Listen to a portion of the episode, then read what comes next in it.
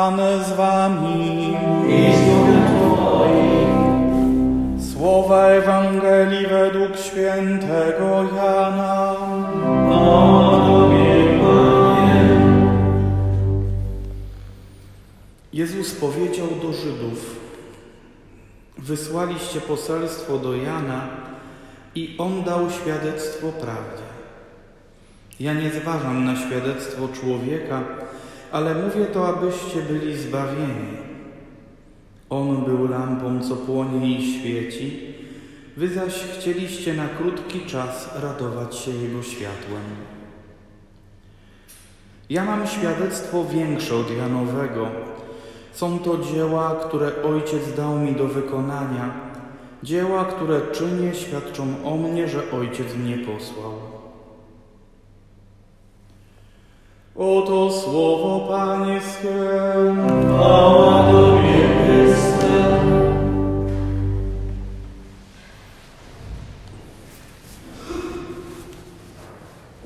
Moi drodzy, jeśli zabrać się za to, co chcę dzisiaj powiedzieć od strony e, liturgiki, czyli nauki zajmującej się liturgią Kościoła, to msza święta dzieli się na dwie podstawowe części. Jest liturgia słowa, a potem liturgia eucharystyczna. Ale ja będę chciał, gdyby skupić się na takich trzech innych punktach, które oczywiście wpisują się w ten podział, ale które myślę są z naszej perspektywy trochę bardziej zauważalne i też które mają to do siebie, że w jakiś fizyczny sposób, przestrzenny sposób e, pomagają nam odnaleźć się w przestrzeni Kościoła, bo Zauważcie, że Eucharystia to nie jest rzeczywistość tylko duchowa. Ona się dokonuje tu i teraz poprzez miejsca, gesty, postawy i słowa, które są w czasie niej wypowiadane. I powiedzmy, że takie trzy punkty, które skupiają naszą uwagę w czasie mszy świętej, to po pierwsze będzie ambona, no dzisiaj pulpit, kiedyś ambona ta u góry. E, potem zdecydowanie ołtarz i wreszcie znowu, kiedyś by to były balaski, ale generalnie ta przestrzeń to miejsce, w którym udzielana jest Komunia Święta. Bo zobaczcie, że nasz udział we mszy świętej w tych trzech punktach jak gdyby tak najbardziej się skupia. Kiedy jest liturgia słowa, kiedy przeżywamy czytania biblijne, wsłuchujemy się w tekst tych czytań, to jest jak gdyby jeden moment, skupiamy naszą uwagę na tym, co się dzieje, żeby to przeżyć jak najlepiej i żeby jak najwięcej z tego dla siebie wynieść. Drugi moment to jest cała liturgia ofiary, czyli to, co się dzieje na ołtarzu od przygotowania darów, a potem ten moment, kiedy przystępujemy do Komunii Świętej, kiedy czerpiemy z owoców złożonej ofiary, kiedy karmimy się tymi owocami. To są takie trzy miejsca.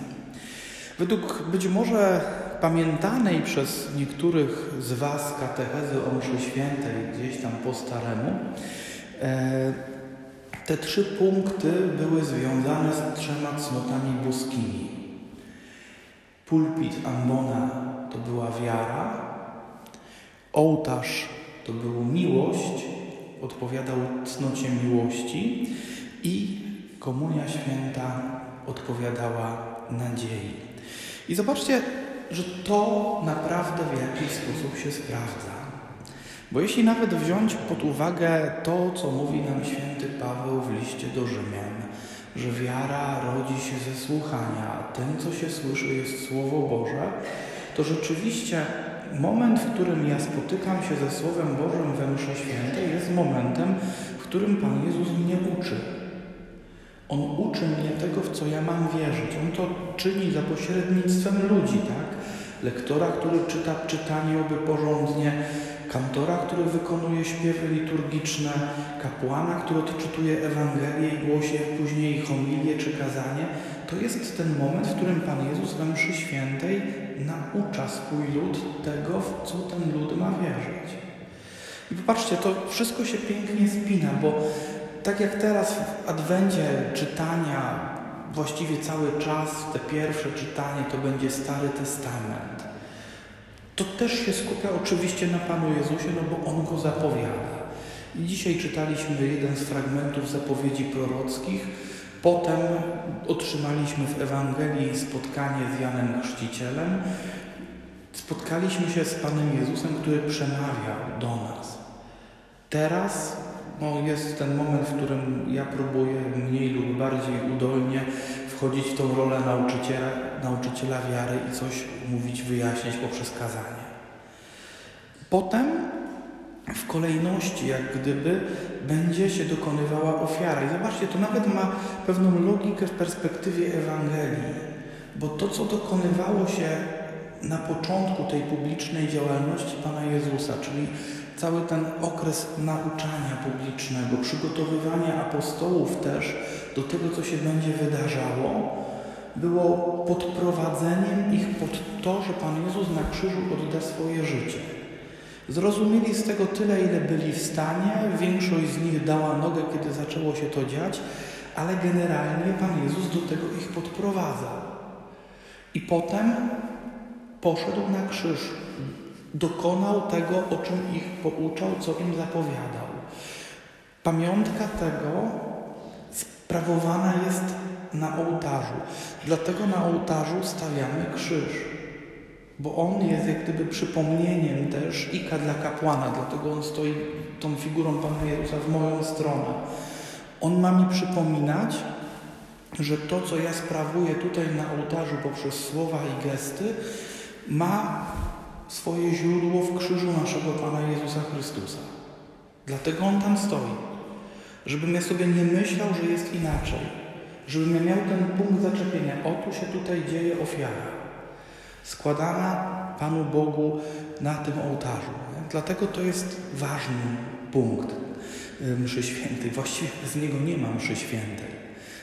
Msza święta jest ofiarą czytania, to wszystko prowadzi nas do tego momentu. Tam się dzieje cała ta liturgia, od prefacji, śpiewu dziękczynienia, poprzez y, całą modlitwę eucharystyczną, w której wymienia się i słowa Pana Jezusa, które wypowiedział w wieczerniku i cały, całe to opowiadanie, ale jednak pojawiają się i słowa o krzyżu, męce, śmierci, zmartwychwstaniu, czyli całej tej rzeczywistości paschalnej, która dokonała się dla nas, dla naszego zbawienia z miłości. Nie? Przecież Pan Jezus nie poszedł tam pod przymusem, nie poszedł tam od, dla kaprysu. On poszedł dlatego, że Bóg umiłował człowieka i chciał złożyć ofiarę, aby ta ofiara pełna miłości odkupiła człowieka od winy grzechu. I potem, tak jak to bywało w Starym Testamencie, czy nawet w pogańskich niektórych religiach, po złożeniu ofiary czerpie się z niej korzyści. Tak? Na pierwszym miejscu składamy ofiarę, aby ona pomiędzy mną a Panem Bogiem stanęła, aby połączyła mnie z Panem Bogiem. Zresztą zawsze tak było w każdej możliwej rzeczywistości w Starym Testamencie, kiedy kapłan składał ofiarę, składał ją po to, aby poprzez tę ofiarę Pan Bóg uczynił jakąś łaskę człowiekowi, odpuścił mu grzechy, przyjął dziękczynienie itd. Dzisiaj to jest dokładnie to samo. To jest punkt spotkania człowieka z Bogiem, ofiara mszy świętej, ofiara eucharystyczna. I tutaj dokonuje się ofiara miłości, tutaj Pan Jezus, Pan Bóg obdarza mnie swoją miłością. On tutaj we mszy świętej umiera, okazuje mi miłość, abym mógł z tej miłości potem skorzystać. Dlatego potem przenosimy się do balasek, które w dawnym sensie były przedłużeniem ołtarza. Tak jak ołtarz był miejscem składania ofiary, tak balaski były stołem pokładnym, na którym z tej ofiary karmiono tych, którzy przystępowali, tak? tych, którzy uczestniczyli w tej ofierze. Komunia święta też jest źródłem nadziei. Zobaczcie, kiedy Pan Jezus mówi nam o chlebie na życie wieczne, ja wam dam chleb, który z nieba stąpi, kto go spożywać będzie, ten będzie żył na wieki, tak? To jest miejsce, w którym na którym buduje się moja nadzieja na życie wieczne z Panem Jezusem w niebie, ale i przy zmartwychwstaniu potem w ciele razem z Nim. Komunia święta, pokarm, który mnie do tego prowadzi, który mnie do tego przygotowuje. Dlatego zawsze było to utożsamiane z nadzieją, czyli z tym wyczekiwaniem na spełnienie tego, o czym uczy mnie moja wiara, a co dokonuje się dzięki miłości Pana Jezusa do mnie. Nie? To jest, to, to jest msza święta. To się dzieje tutaj z naszym udziałem zawsze, kiedy przychodzimy na mszę świętą. Co jeszcze można wobec tak rozumianej mszy świętej uczynić? E, święty Karol de Foucault, ja nie wiem, czy on to spisywał jako pewnego rodzaju wizję, czy jako pewnego rodzaju e, rozmyślanie do końca. Nie umiałem tego doczytać w książce, z której to wyciągnąłem, ale on e, ma zapisane w jednym ze swoich rozważań taki tekst dotyczący przeżywania mszy świętej. I on to pisze w perspektywie takiej, jak gdyby mówił to do niego Pan Jezus. Tak to trzeba odczytywać i odsłuchiwać. I on mówi tak. Podziel sobie mszę na trzy części. Do konsekracji ofiaruj mnie, pamiętamy, mówi to Pan Jezus, i ofiarowuj siebie mojemu Ojcu i polecaj Mu swe intencje. Zobaczcie, to w strukturze mszy świętej jest obecne. Na początku mszy świętej po pierwsze ksiądz mówi, w jakiej intencji ta msza jest y, sprawowana.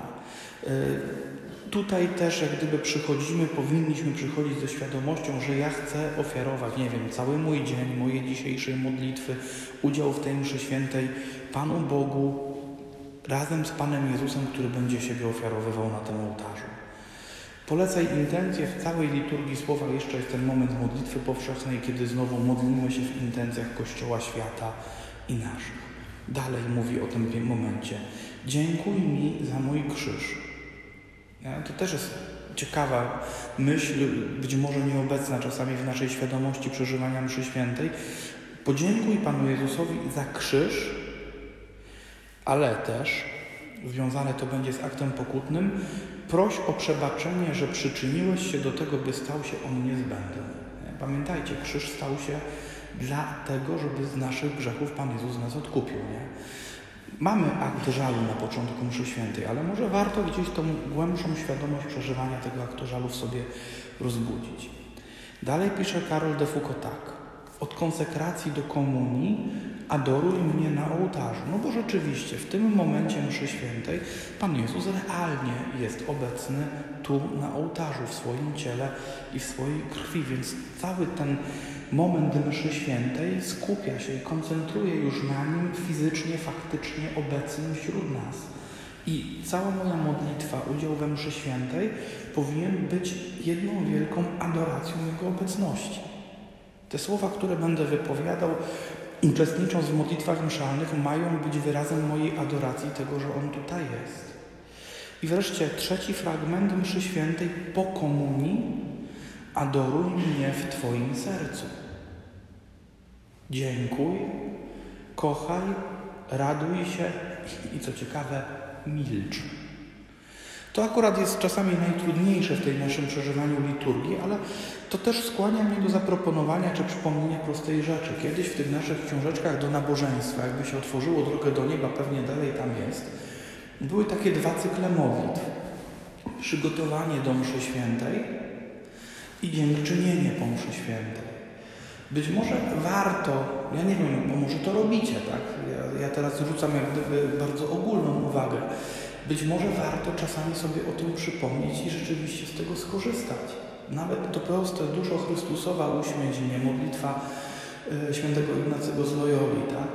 Jest jakimś momentem adoracji. Jeśli nie do końca mszy świętej, to po mszy świętej być może nie trzeba pierwsze co robić, wstawać i lecieć, czy załatwić coś w zakrystii, y, czy kupić gazetkę, czy nie wiem co tam jeszcze, tylko rzeczywiście dać sobie te parę sekund ciszy, milczenia, dziękczynienia Panie Jezu za to, co się tutaj wydarzyło dla mnie. Nie? Żeby to nie było na zasadzie takiej, że kurczę, no nareszcie skończył, pum, nie ma mnie. Nie?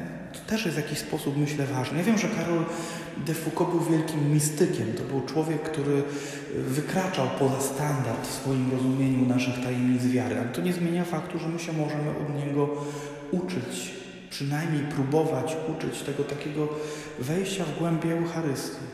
Podziel ją na trzy części. Do konsekracji ofiaruj mnie i ofiarowuj siebie mojemu Ojcu i polecaj Mu swe intencje.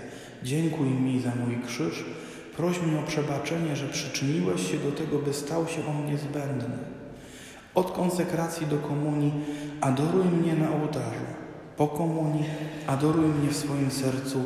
Dziękuj, kochaj, raduj się i milcz. I znowu te trzy rzeczy się w to wpisują, o których mówiłem na samym początku. Wiara, nadzieja i miłość. Wiara i nadzieja biorą się z Eucharystii. Miłość to jest to, co w niej otrzymujemy.